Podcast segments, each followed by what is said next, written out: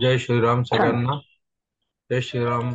आज मागे सांगितल्याप्रमाणे जय श्रीराम. मेघाताई आपल्याला अधिक मासाचे महत्त्व आणि पुढे विस्तृत माहिती व्रते काय कसं सगळं त्याच्याविषयी आता स्पष्ट करतील. मी आता मेघाताईंना विनंती करतो. ताई तुम्ही आम्हाला उपकृत करा सांगू हो हो हो हो हो हो हो. सग- सगळ्यांना आता सर्वात पहिले आता हल्ली सगळ्याच्या शुभेच्छा द्यायची सवय लागल्यामुळे तुम्हाला पण येणाऱ्या अधिक मै- अधिक श्रावण महिन्याच्या सगळ्यांना प्रथम शुभेच्छा. कारण श्रावण महिन्याला एकोणीस वर्षांनी अधिक महिना लागतो. म्हणून तो खूप महत्त्वाचा आहे. त्यामुळं काय होतं तर पाच महिने चातुर्मास होतो. म्हणून ह्या अधिक महिन्याला खूप महत्त्व आहे.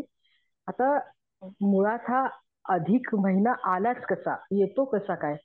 या वर्षी तर बघा ना जानेवारी ते डिसेंबर हे बाराच महिने आहेत. पण ह्या बारा महिन्यामध्ये एक महिना ऍडजस्ट होतो तीस दिवसाचा. कसा काय होतो तो? तर कसं आहे, सर्वसाधारणपणे कसं आहे की दर तीन वर्षांनी हा अधिक मास येतो. आपल्याकडे कसं आहे चैत्र महिन्यापासून ते फाल्गुन महिन्यापर्यंत ही बारा महिने मराठी महिने आहेत. आणि ह्या मराठी महिन्यांमध्ये आपली सणवार सगळी ही तिथीनुसार होत असतात. तारखेनुसार नाही. म्हणजे आपण गणपती बसतो नवरात्र दसरा असं जितकी काही सणवार आहेत जितके काही एकादशी आहेत पौर्णिमा मग सगळं हे तिथीप्रमाणे चालतं. आणि ह्या चैत्र ते फाल्गुन महिन्यापर्यंतचे जे काही महिने येतात त्याला चांद्रमान असं म्हणतात. आणि जी सौर सौरमान आहेत म्हणजे इंग्लिश इंग्लिश आपले कॅलेंडर प्रमाणे आहेत जानेवारी ते डिसेंबर ते कसे आहेत? नक्षत्राप्रमाणे. आणि त्याला सौरमान असं म्हणतात. जे इंग्लिश कॅलेंडर प्रमाण असतं आणि जे मराठी कॅलेंडर प्रमाण असतं ज्या तिथीप्रमाणे आपण सणवार करतो त्याला चांद्रमान असं म्हणत असतात. आणि आपल्या या भारताच्या कालगणनेप्रमाणे या चांद्र आणि सौर पद्धतीचा उत्तम मेळ घालतात हे. मेळ घालून आणि या गणितावरनं येणारा जो जास्तीचा महिना असतो तो म्हणजे अधिक महिना. हा जास्तीचा महिना कसा येतो तर हे जे चांद्र महिना चांद्र मान आहे चैत्र ते फाल्गुन. हे दिवस तीनशे पंचावन्न तिथी येतात. आणि इंग्लिश कॅलेंडर प्रमाणे म्हणजे नक्षत्राप्रमाणे एकूण तीनशे पासष्ट दिवस येतात. मग हे दहा दिवस दर तीन वर्षांनी तीस दिवस झाल्यावर एक महिना अधिक घालून हे पुन्हा एकसारखं करतात. आलं लक्षात? म्हणजे कसं? तर सगळे सण हे कसे आहेत आपले? चंद्रावर अवलंबून आहेत. आणि ऋतू हे कशावर आहेत? सूर्यावर अवलंबून आहेत. आपण ऋतू मोजताना कसे चार चार महिने मोजतो? हिवाळा पावसाळा उन्हाळा चार चार महिने प्रमाणे मोजतो आपण. जून जुलै August September October November December जानेवारी फेब्रुवारी मार्च एप्रिल मे असे तीन चार चार महिने जे आपण ऋतू हे इंग्रजी कॅलेंडर प्रमाणे मोजतो. म्हणजे ते काय झाले? तर ते ऋतू सूर्यावर अवलंबून झाले आणि सगळी सण ही चंद्रावर अवलंबून झाली. आणि ह्याच महिन्याला अनेक पद्धतीची अनेक नाव आहेत. अधिक मास क्षय मास अरे क्षय मास नाही अधिक मास जसा असतो म्हणजे एक वाढी होतो तसा क्षय मास सुद्धा असतो बरं का. आता ह्याला अधिक मास म्हणतात मल मास म्हणतात. मल मास म्हणजे मलिन मास धोंडा मास म्हणतात पुरुषोत्तम मास म्हणतात. आता ही प्रत्येक मास या अधिक महिन्याला म्हणायची वेगवेगळी कारण आहेत. आता कसं आहे माहिती का? सूर्य एका राशीमध्ये असताना जेव्हा दोन चांद्र महिन्यांचा प्रारंभ होतो ना तेव्हा जो पहिला येणारा जो महिना असतो तो अधिक असतो. आणि जो दुसरा येतो तो निजमास असतो. म्हणजे ज्या चांद्र महिन्यामध्ये म्हणजे चैत्र ते फाल्गुनमध्ये ज्या चांद्र महिन्यामध्ये सूर्याचा राशी बदल होत नाही तो अधिक मास. म्हणजे आता बघा की एकूण आपले बारा महिने आणि आपल्या बारा राशी आहेत. दर महिन्याला सूर्य एका राशीतून दुसऱ्या राशीत संक्रमण करतो. संक्रमण करतो म्हणजेच काय? तर त्या संक्रमणावरनं संक्रांत हा शब्द आला. एका राशीतून दुसऱ्या ठिकाणी जातो म्हणून त्याला संक्रमण करतो असं म्हणतात. त्याला संक्रांत म्हणतात. दर महिन्याला ही संक्रांत तिथी असते. त्या तिथीला सूर्य एका राशीतून दुसऱ्या राशीत जात असतो. तर असं दर महिन्याला एका राशीतून दुसऱ्या राशीत जाता जाता काय होतं? तर तेहतीस महिन्यांनी असा महिना येतो की त्या महिन्यामध्ये सूर्य कोणत्याच राशीमध्ये बदल करत नाही. मग तो महिना म्हणजे अधिक महिना असतो. त्या महिन्याला अधिक महिना असं म्हणतात. म्हणजे बिन संक्रांतीच्या महिन्याला अधिक महिना म्हटलं गेलं. म्हणजे काय? तर आषाढ महिना असेल त्याच्या आधी तर तो आषाढानंतर येणारा अधिक श्रावण होतो. आता ह्या महिन्याला आता हा ती तेहतीस महिन्यांनी अधिक महिना येतो. म्हणून तेहतीस या संख्येला विशेष महत्त्व झालं याच्यामध्ये. आणि आता ह्या महिन्याला मलमासही असं म्हणतात. मलिन मास म्हणतात की ह्या काळ ह्या काळामध्ये शुभ कार्य करत नाहीत किंवा शुभ मंगल कार्य होत नाहीत फक्त नैमित्तिक कार्य वगैरे होतात. असं म्हटलं जातं. खिच्यामध्ये करत नाहीत. आता काय होतं एकदा कसं असतंय माहिती का? या पृथ्वीवरती जेव्हा या पृथ्वीची जेव्हा निर्मिती झाली आणि त्या पृथ्वीवर जेव्हा मानवांची निर्मिती झाली तशी त्या पृथ्वी तलावर मानवी कल्याणासाठी अनेक तपस्वी लोक काय करायचे? तपश्चर्या करायचे. आणि अशातच एकदा काय झालं की भगवान विष्णू लोक कल्याणासाठी तपश्चर्या करत बसले होते. तेवढं तिथं काय झालं की नारद मुनी येतात. आणि नारद मुनी येऊन भगवान विष्णूंना विचारतात. भगवान विष्णूंना भेटतात आणि मग भगवान विष्णू त्यांना विचारतात काय रे नारदा येण्याचं कारण काय? तर तेव्हा नारद मुनी म्हणतात वर्षात हे बारा महिनेच असतात तर मग दर तीन वर्षांनी तेरावा महिना कसा काय येतो? तर मग भगवान विष्णू त्याला म्हणतात की या जगाचं कल्याण होणं किंवा अकल्याण होणं. म्हणजेच काय? तर चांगलं होणं किंवा वाईट होणं. हे ज्याच्या त्याच्या सत्कर्माच्या आणि दुष्कर्माच्या म्हणजेच काय? तर चांगल्या आणि वाईट कर्माच्या प्रमाणावरती अवलंबून असतं. पण आजकाल तर दुष्कर्म दुष्कृत्य याचंच प्रमाण आपल्याला जास्त बघायला मिळतंय. म्हणजे काय तर पापांचं प्रमाण खूप वाढलेलं आहे असं दिसून येतं आपल्याला.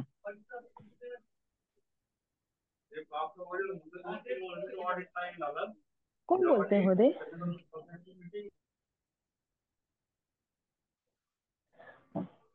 तर या काळामध्ये आता दुष्कर्म आणि दुष्कृत्याचं प्रमाण खूप वाढलंय. म्हणजे काय? तर खूप पाप वाढले त्या पृथ्वी तलावरती तर मग ह्या हे पाप काय आहे? तर बारा महिन्यांना हे पाप सहन होत नाही. ह्या बारा महिन्यांना हे पाप सहन झालं नाही म्हणून ही तक्रार घेऊन बारा महिने काय करतात? भगवान विष्णूकडे जातात. आणि त्या पापाचं त्यांना जड ओझ ह्या बारा महिन्यांच्या पोटात माविनाचं होतं. त्यामुळे या बाराही महिन्यांनी काय करतात? ह्या बारा महिन्यांना हे पाप सहन होत नाही अजिबात ह्या पापाचं. आपल्या पृथ्वी तलावरच्या साठच म्हणजे होत असलेल्या पापांचा भार कधी ह्या बारा महिन्यांना सहन होत नाही. त्यामुळे ही बाराही महिने काय करतात? आपल्या पोटातील हा पापाचा फक्त तिसराच हिस्सा बाहेर काढून टाकतात. आणि पापाचा थोडासा काय करतात? भार हलका करतात.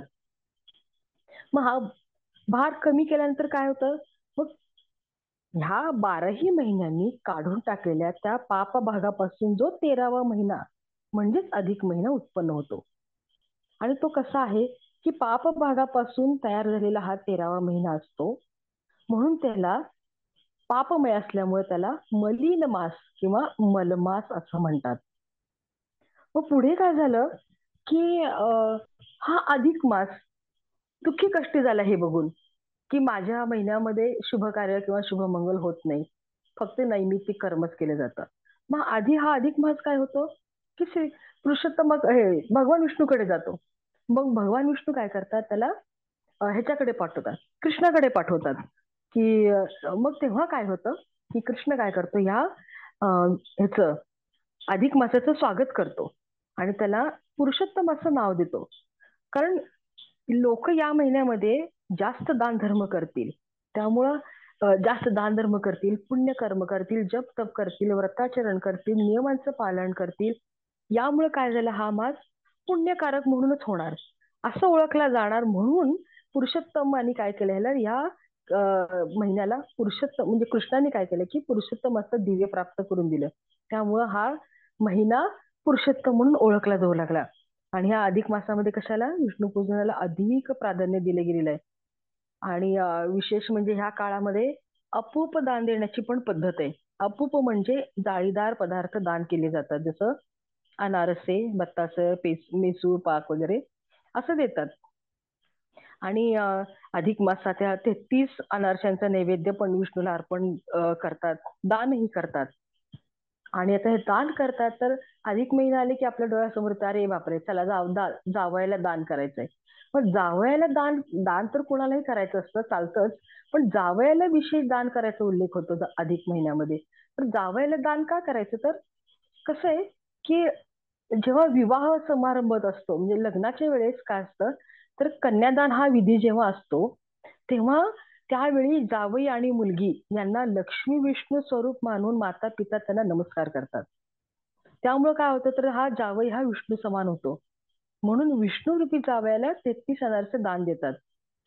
आणि आपल्या आणि हा अधिक महिना आपल्या बारा महिन्यापैकी एकूण नऊ महिन्यांना फक्त अधिक महिना लागतो. आणि दोन महिन्यांना दोन महिन्यांना क्षयमास लागतो. आणि एक महिना असा आहे की तो कधी अधिकही होत नाही आणि क्षय पण होत नाही. असा तो महिना असतो. आणि चैत्र वैशाख ज्येष्ठ आषाढ श्रावण भाद्रपद अश्विन कार्तिक आणि फाल्गुन या नऊ महिन्यांना अधिक लागतो. मार्गशीर्ष महिना आणि पौष महिना हे दोन महिने कसे आहेत तर क्षयमास असतात. आणि फक्त माघच महिना असा आहे की तो कधीच क्षय पण होत नाही आणि अधिक मास पण होत नाही. आता क्षयमास म्हणजे काय? तर कधी कधी असं होतं की एका चांद्र महिन्यात सूर्य एका वेळेस दोन राशीमध्ये असतो. तेव्हा तो क्षयमास होतो. आणि क्षयमास आले की त्या वर्षी दोन अधिक मास येतात. त्याच्यामध्ये अशा प्रकारे ते बारा महिन्यापैकी नऊ महिन्यांना अधिक मास लागतो. आता अधिक महिन्यामध्ये तेहतीस वस्तू अनारसे वगैरे तर देतातच. पण त्याचबरोबर काय होतं? तर त्याला धोंड्याचा मास देखील म्हणलं जातं. तर असं का म्हणतात? तर वर्षातील आपल्या महिन्यांच्या रांगेमध्ये मध्येच येणारा महिना असतो हा अधिक महिना. म्हणून त्याला धोंडा म्हटलं जातं. तसं त्याला काही फार विशेष असं हे नसतं. आणि आपण एरवी केली जाणारी जी शुभ कार्य असतात किंवा होम हवन पूजा व्रत वैकल्य अशा गोष्टी अधिक महिन्यात केली जात नाहीत. त्यामुळे काय होतं? तर त्यामुळे काही पिढ्यापूर्वीची लोक म्हणजे जी पूर्वीची लोक होती ना जेव्हा जेव्हा कुठली संधी मिळेल अवसर मिळेल तेव्हा तेव्हा त्याप्रमाणे काही खास वृत्ती पूजा दान धर्म करून आजपर्यंत आपल्या हातून ज्या काही कळत न कळत चुका झाल्यात किंवा पाप झाले तर त्याचे क्षालन करून घेत असत ह्या व्रत वैकल्य करून त्या त्या काळामध्ये. कदाचित यासाठीच आहे की नाही आपल्याकडे व्रत पूजा दानधर्म याची पद्धत बहुतेक त्याच्यासाठीच आपल्याकडे आलेली असावी. आणि की जेणेकरून निसर्ग आपल्यालाही संधीच देतोय की आपल्याला या काळामध्ये त्या त्या पद्धतीची व्रत वैकल्य करून आपल्या चुकांचं किंवा पापांचं क्षालन करून घ्यायचं. हल्ली तर आपण बाजारात बघतोच नेहमी की असं सगळ्या गोष्टींच्या क्लिन्झिंगसाठी आपण काही ना काहीतरी प्रयत्न करत असतो. म्हणजे काय? तर त्वचा आपली चांगली दिसावी म्हणून आपण त्वचेचं क्लिन्झिंग करतो. त्यासाठी बाजारामध्ये अनेक प्रकारचे कॉस्मेटिक्स मिळतात क्रीम्स मिळतात. ते आपण लावून त्वचेचं क्लिन्झिंग करतो. परत आपल्या बॉडी क्लिन्झिंग करत असतो पंचकर्म किंवा तत्सम काही गोष्टी करतो की ज्याच्यामुळे आपलं बॉडी क्लिन्झिंग होत असतं. अशा सगळ्या क्लिन्झिंग ज्या काही पद्धती आहेत आपल्या शरीराच्या तर त्या कशा पद्धतीने करायच्या? आता ह्या आधुनिक तर पद्धती माहिती आहेत. पण मूळ संस्कृतीतनं ह्या सगळ्या क्लिन्झिंग कसं करायचं? त्वचेचं क्लिन्झिंग तर आपण क्रीम वगैरे लावून करतो. बॉडीचं क्लिन्झिंग आपण कुठलं तरी पंचकर्म वगैरे करून करतो. पण मुळात संस्कृतीमध्ये बॉडी क्लिन्झिंग कशी करायची? तर या निसर्गानं आपल्याला ऋतुचक्राप्रमाणे तिथ्यांप्रमाणे अशी काही सणवार दिलेत की त्यामध्ये आपण उपास थोडा आहार बदल असतो. किंवा फक्त विशिष्ट आणि मोजका आहार मोजकाच आहार असं काही काही व्रतांमध्ये तिथ्यांप्रमाणे ऋतुचक्राप्रमाणे त्या त्या सणात सांगितलेलं आहे. आणि हे जर गोष्टी केली तर त्यामुळे काय होतं आपलं? तर आपलं बॉडी क्लिन्झिंग खूप छान होतं. कशामुळं? तर हे उपास आहार बदल फक्त विशिष्ट आहारच करणे किंवा मोजकाच आहार करणे ह्याच्यामुळे आपलं बॉडी क्लिन्झिंग होतं. आणि जेव्हा आपण पूजा करतो व्रत करतो नियम पालन करतो दान धर्म करतो पुण्यकर्म करतो. यामुळं काय होतं? तर आपलं स्पिरिच्युअल क्लिन्झिंग होतं. आणि मौनव्रत मंत्र स्तोत्र पठण श्लोक पठण धार्मिक ग्रंथांचं वाचन पारायण सामुदायिक पठण ह्या जेव्हा गोष्टी करतो आपण तेव्हा आपलं सायकोलॉजिकल क्लिन्झिंग होतं. म्हणजे आपल्या संस्कृतीने सगळ्या प्रकारच्या क्लिन्झिंगची सोय आपल्या संस्कृतीमध्येच करून ठेवलेली आहे. फक्त ती आपल्याला ओळखता आली पाहिजे. आणि आपलं मन आणि आहार याची सांगड घालून ह्या गोष्टी जर आपण केल्या तर आपल्या आयुष्यावरती खूप चांगले परिणाम दिसून येतात. आणि दर तीन वर्षांनी येणाऱ्या अधिक महिन्याचं हेच तर वैशिष्ट्य आहे की आधीच्या तीन वर्षात काही करायला जरी जमलं नाही तर येणाऱ्या अधिक महिन्यामध्ये अधिक महिन्याच्या या काळामध्ये काया वाचा मन शुद्धी करण्याची म्हणजेच क्लिंजिंगची संधी आहे तर ती आपण नक्की करावी. बघा हे सगळ्यांनी करून बघावं. आपल्यामध्ये खूप वेगळा त्याचा बदल जाणून येतो. कारण अधिक महिन्यामध्ये कसं असतं की पूर्वापार केली जाणारी जी काही व्रत वैकल्य होती ती कशी असायची? तर त्या त्या काळाशी सुसंगतच अशी होती. म्हणजे प्रत्येक महिन्यामध्ये तिथीप्रमाणे जी काही सणवार येतात त्या सणावाराला जे काही आपण करतो सगळ्या गोष्टी त्या त्या महिन्यामध्ये त्या त्या काळाशी सुसंगतच अशी ही सगळी व्रतवैकल्य असायची. आणि आपण जर त्याचा योग्य अर्थ लावून आजच्या काळाशी जर त्याच्या सुसंगतपणे किंवा आपल्या तब्येतीला झेपेल असंच आणि स्थानिक परिस्थितीशी मेळ म्हणजे कुठल्या भागात राहतो भौगोलिक वातावरण बघून ह्या सगळ्याचा मेळ घालून जर आपण हे पुण्यकर्म केलं तर अधिक महिन्यामध्ये ह्या पुण्यकर्माचं फळ नेहमीपेक्षा अधिकच मिळतं. अशी ही मान्यता आणि अनुभव पण येतो लोक लोकांना. कारण हा अधिक महिना हा भगवान विष्णूचा मानला जातो आणि या महिन्यात पूर्वीपासून काही व्रत केली जातात. पण या व्रतात कसं आहे की प्रत्येक ठिकाणी थोडाफार का होईना फरक असतो. आता माझे पण पूर्ण महाराष्ट्रामध्ये मैत्रिणी आहेत की हिच्या या गावचं जेव्हा तिची काही मतं ऐकते तर त्यांच्याकडे वेगळ्या पद्धतीची काही उपासना व्रत केली जातात. या गावामध्ये थोडं वेगळं केली जातात. थोड्याफार फरकाने पण हीच साधारण भगवान विष्णूच्याच शेवटी उपासना येतात त्याच्यामध्ये. आता साधारण कुठल्या कुठल्या पद्धतीच्या आपण त्याच्यामध्ये उपासना करू शकतो? तर आपण असं करू शकतो अधिक महिन्यामध्ये दिवसभरातला कुठलाही एक ठराविक वेळ आपण धरायचा. एक एक तास दोन तास चार तास पाच तास किंवा कसंही.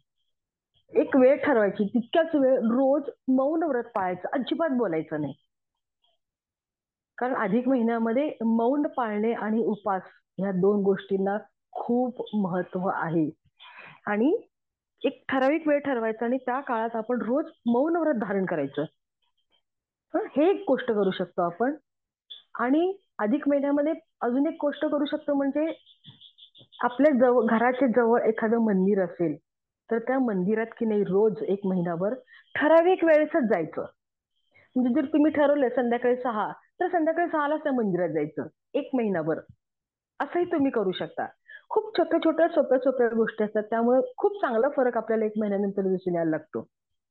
त्याच्यानंतर आपण हेही करू शकतो की तेल वात लावतो तेल वात करून लावतो किंवा दान करतो. उपास करतो उपास तर करायलाच पाहिजे. उपास आणि दान ह्याला तर फार महत्त्व आहे या काळामध्ये.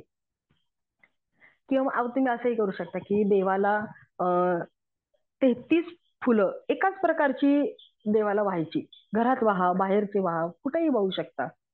आणि त्याच्यात विष्णूच्या तर पूजेला फार महत्त्व दिलेलं आहे.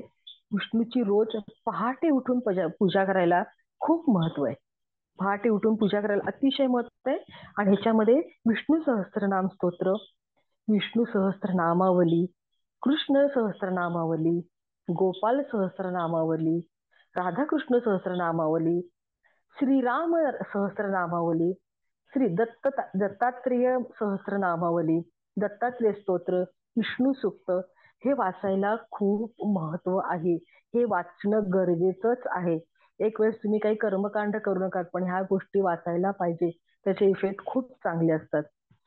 आणि शिवाय तुम्ही या काळामध्ये कुणालाही बोलून एखाद्या दिवशी तुम्ही तांबूल दान करू शकता दिवा दान करू शकता. दिवा कसा? तुपाचा करून तो लावून पेटवून द्यायचा कधी पण दिवा देताना. त्याच्यानंतर तुम्ही फळं देऊ शकता विडे देऊ शकता धान्य देऊ शकता वस्त्र देऊ शकता.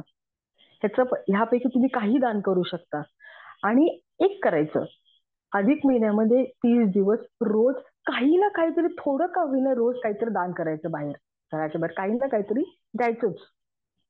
आणि या महिन्यामध्ये जमलंच तर ज्यांना भगवद्गीता वाचायला आवडते अशांनी भगवद्गीतेतील पंधरावा अध्याय रोज वाचला तर फार उत्तम.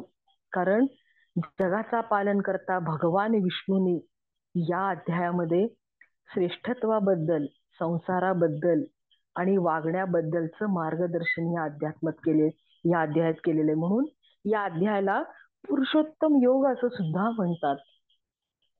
तर या गोष्टी आपण अधिक महिन्यामध्ये करू शकतो. शिवाय आता या काळामध्ये आता आता मी तर यावर्षी नुकताच एक मेसेज वाचलाय नवीन की या काळामध्ये अधिक महिन्याच्या काळामध्ये एका विवाहित स्त्रीने आपल्या आईची ओटी भरायची असते आणि सासूची ओटी भरायची असते. पण एरवी अधिक महिना सोडला तर एरवी कधीही आईची ओटी भरली जात नाही. फक्त अधिक महिन्यामध्ये एक विवाहित मुलीने आपल्या आईची ओटी भरावी. कारण आईच्या ओटी पोटातच आपण आपलं आपण असतो तिथूनच आपण आलेलो असतो. त्यामुळं आईची ओटी कधी भरायची नसते. सासूची ओटी का भरायची नाही तर तिच्या ओटी पोटातला मुलगा तिने सुनेला दिलेला असतो गृहस्थाश्रम चालवण्यासाठी. आणि ती तिच्याबरोबरच राहत असते. त्यामुळे एका विवाहित स्त्रीने आपल्या आईची आणि सासूची ओटी भरायची नसते. पण अधिक महिन्यात तिने आईची ओटी का भरायची? तर तिने खूप मोठं त्याग केलेला असतो आईने. कुठला त्याग केलेला असतो? तर तिने कन्यादान केलेलं असतं. दानाचं हे तिची कृतज्ञता ते दान केलेल्याची आपण जाणीव म्हणून आपण तिचं त्या दिवशी पूजन करावून त्याला यथाशक्ती तुम्ही खळ नारळ ओटी फळ जे काय तुम्ही देऊ शकता यथाशक्ती तुम्ही तिला दान करू शकता या काळामध्ये. आता दान देतात कसं? आता दान देतात आता देताना कसं द्यायचं असतं साधारण की तांब्याच्या वस्तूला जास्त महत्त्व आहे. तांब्याचा तांब्या तांब्याचं तामण असतं. त्या तांदळाचा तामण घ्यायचं. म्हणजे पूर्वापारची पद्धत सांगते बरं का की अधिक महिन्यामध्ये वाण किंवा दान कसं दिलं जातं? तर तांब्याचं तामण घ्यायचं. त्याच्यावरती एक आपली पत्रावळी घ्यायची. त्या पत्रावळीवरती थोडे गहू पसरायचे. आणि त्या घावावरती तुम्हाला काय वस्तू दान द्यायची आहे? त्या त्या घावावरती ती वस्तू ठेवायची. त्या वस्तूवरती एक तुळशीचं पान ठेवायचं. तुळशीचं पान ठेवल्यानंतर त्याच्यावरती एखादं रुमाल किंवा उपर्ण झाकायचं त्याच्यावर. झाकल्यावर त्याच्यावरती एक दिवा ठेवायचा. तो दिव्यामध्ये वात आणि तूप तुपाची वात लावून तो दिवा पेटवत ठेवायचा. आणि मग ज्या ज्याला तुम्हाला हे दान द्यायचं आहे त्याला तुम्ही हळदी कुंकू लावून हे असंच उचलून त्यांना दान द्यायची पद्धत आहे. या काळामध्ये या पद्धतीने ऍक्च्युली दान दिलं जातं. या काळामध्ये मग तीर्थाटन करायला आता बघा तुम्ही बरेच जण आता तीर्थ तीर्थ तीर्थाटन करायला गेले. म्हणजे तीर्थक्षेत्री फिरायला लोक खूप जातात या काळामध्ये. कारण तीर्थस्नान करायला खूप महत्त्व आहे.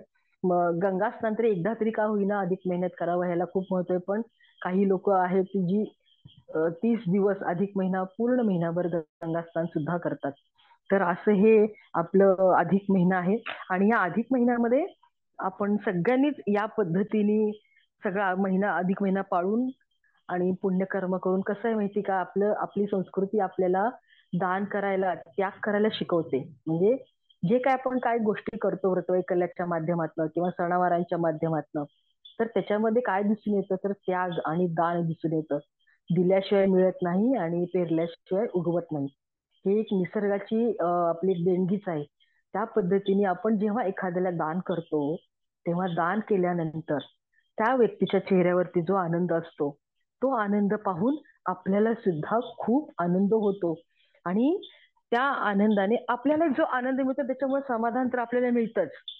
शिवाय या अधिक महिन्यामध्ये आपण आपल्या मुलाबाळांसाठी कुटुंबासाठी आणि घरात जर काही छोट्या छोट्या समस्या असतील तर त्यासाठी सुद्धा आपण या दानाच्या माध्यमातून पुण्य संचय करू शकतो. कारण पुण्य संचयाला खूप महत्त्व आहे. कारण ह्या काळात केलेला पुण्यसंचय आपल्याला पुढच्या अधिक महिन्यापर्यंत तो पुण्यसंचय आपल्याला वापरता आला पाहिजे. एवढा पुण्यसंचय या काळामध्ये आपण करून ठेवायचे असतात जसं आपण बँकेमध्ये आपल्याला पैशाची गरज लागते म्हणून आपण कसं बँकेमध्ये पैसे सेव्हिंग करून ठेवतो. जेव्हा गरज लागेल तेव्हा ते आपण पैसे काढतो. त्या पद्धतीनेच आहे. हे आपण आता हा काळ कसा आहे तर पुण्याचा साठा करून ठेवायचा आहे. कारण कसं आपल्या जीवनामध्ये काही समस्या अशा असतात की त्या कधीच पैशाने सुटत नाहीत. पैसा हा कोण आहे खरं? परंतु तुम्ही किती दान करता त्याच्यावर पण अवलंबून असतं सगळं. आणि सर्व ठिकाणी पैसाच काम करत नाही. पुण्यही पाठीशी हवं असतं. लागतंच पुण्य. त्याशिवाय आपल्याला काही उपयोग नाही. तुमच्या आपल्याजवळ जर पुण्य संचय नसेल तरी सुद्धा पैसा तर काहीच काम करू शकणार नाही. म्हणून पुण्याला खूप महत्त्व आहे. पैसा असून उपयोग नाही. पुण्याचा साठा हा पाहिजेच. पुण्याला खूप महत्त्व आहे त्यामुळे. आणि अधिक मासामध्ये भरपूर पुण्य संचय करता येतो. त्यामुळे काय होतं तर आपल्या मनाला खूप शांती मिळते. आणि दुसऱ्याच्या आनंदाने आपण जे आनंदी होतो त्यामुळे काय होतं की आपल्या मनाला सुद्धा एक नाही. अशी ताई थोडं आनंदाची थांबवतो. अवस्था प्राप्त होते. ताई थोडं थांबवतो. शेवटचा मिनिट आहे.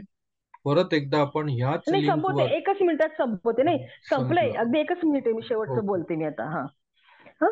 तर अं, आता ह्या आणि ह्या महिन्याला गोपाळकृष्णांनीच वर दिलाय. की या महिन्यात जे कोणी तीर्थस्नान करतील व्रत नियम करतील आणि पुण्यकर्म करतील त्यांना ह्या पुरुषोत्तमाची कृपा ही प्राप्त होणार आहे त्यांचं मनोरथ सगळे पूर्ण होतील असं ह्या कृष्णानेच या महिन्याला वर दिलेलं आहे. म्हणून अधिक महिन्यामध्ये अनेकांनी पुण्यकर्म दान कर्म करून आपलं जीवन सुखदायी बनवलंय. आणि या अधिक मासात कळत न कळत जरी पुण्य घडलं तरी सुद्धा भगवान विष्णू आपलं कल्याण करणारच. त्यासाठी अधिक महिन्यामध्ये आपण पुण्यकर्म करूयात आणि दान धर्म करून पुण्य संचय करूयात. अशा बद्दलचं थोडीफार माहिती मी तुम्हाला सांगितलेली आहे. सर्वांना परत एकदा अधिक महिन्याच्या खूप शुभेच्छा. नमस्कार मी आहे आपली रामकुटी. मेघा ताई नमस्कार करते. आपण खूप छान माहिती दिलीत आपले खूप खूप आभार. आणि सर्व उपस्थितांचे सुद्धा खूप आभार. आपण संख्येने सहभागी झालात. असेच छान स्तोत्रांसाठी आणि साधकांनी म्हटलेले भजनसाठी पॉडकास्ट रामकुटी ऐका. यासाठी स्पॉटीफाय गुगल पॉडकास्ट डाउनलोड करून घ्या. किंवा Jio Saavn Apple podcast Amazon म्युझिकवर पण उपलब्ध आहे आणि यूट्यूबवर रामकुटी आहे. तेथे लाईक सबस्क्राईब शेअर करा. माहिती आहे का आपल्याला? आपले चाळीस हजार लिसन झालेत. अभिनंदन आपले आणि आभार. परत भेटू. आपलीच रामकुटी.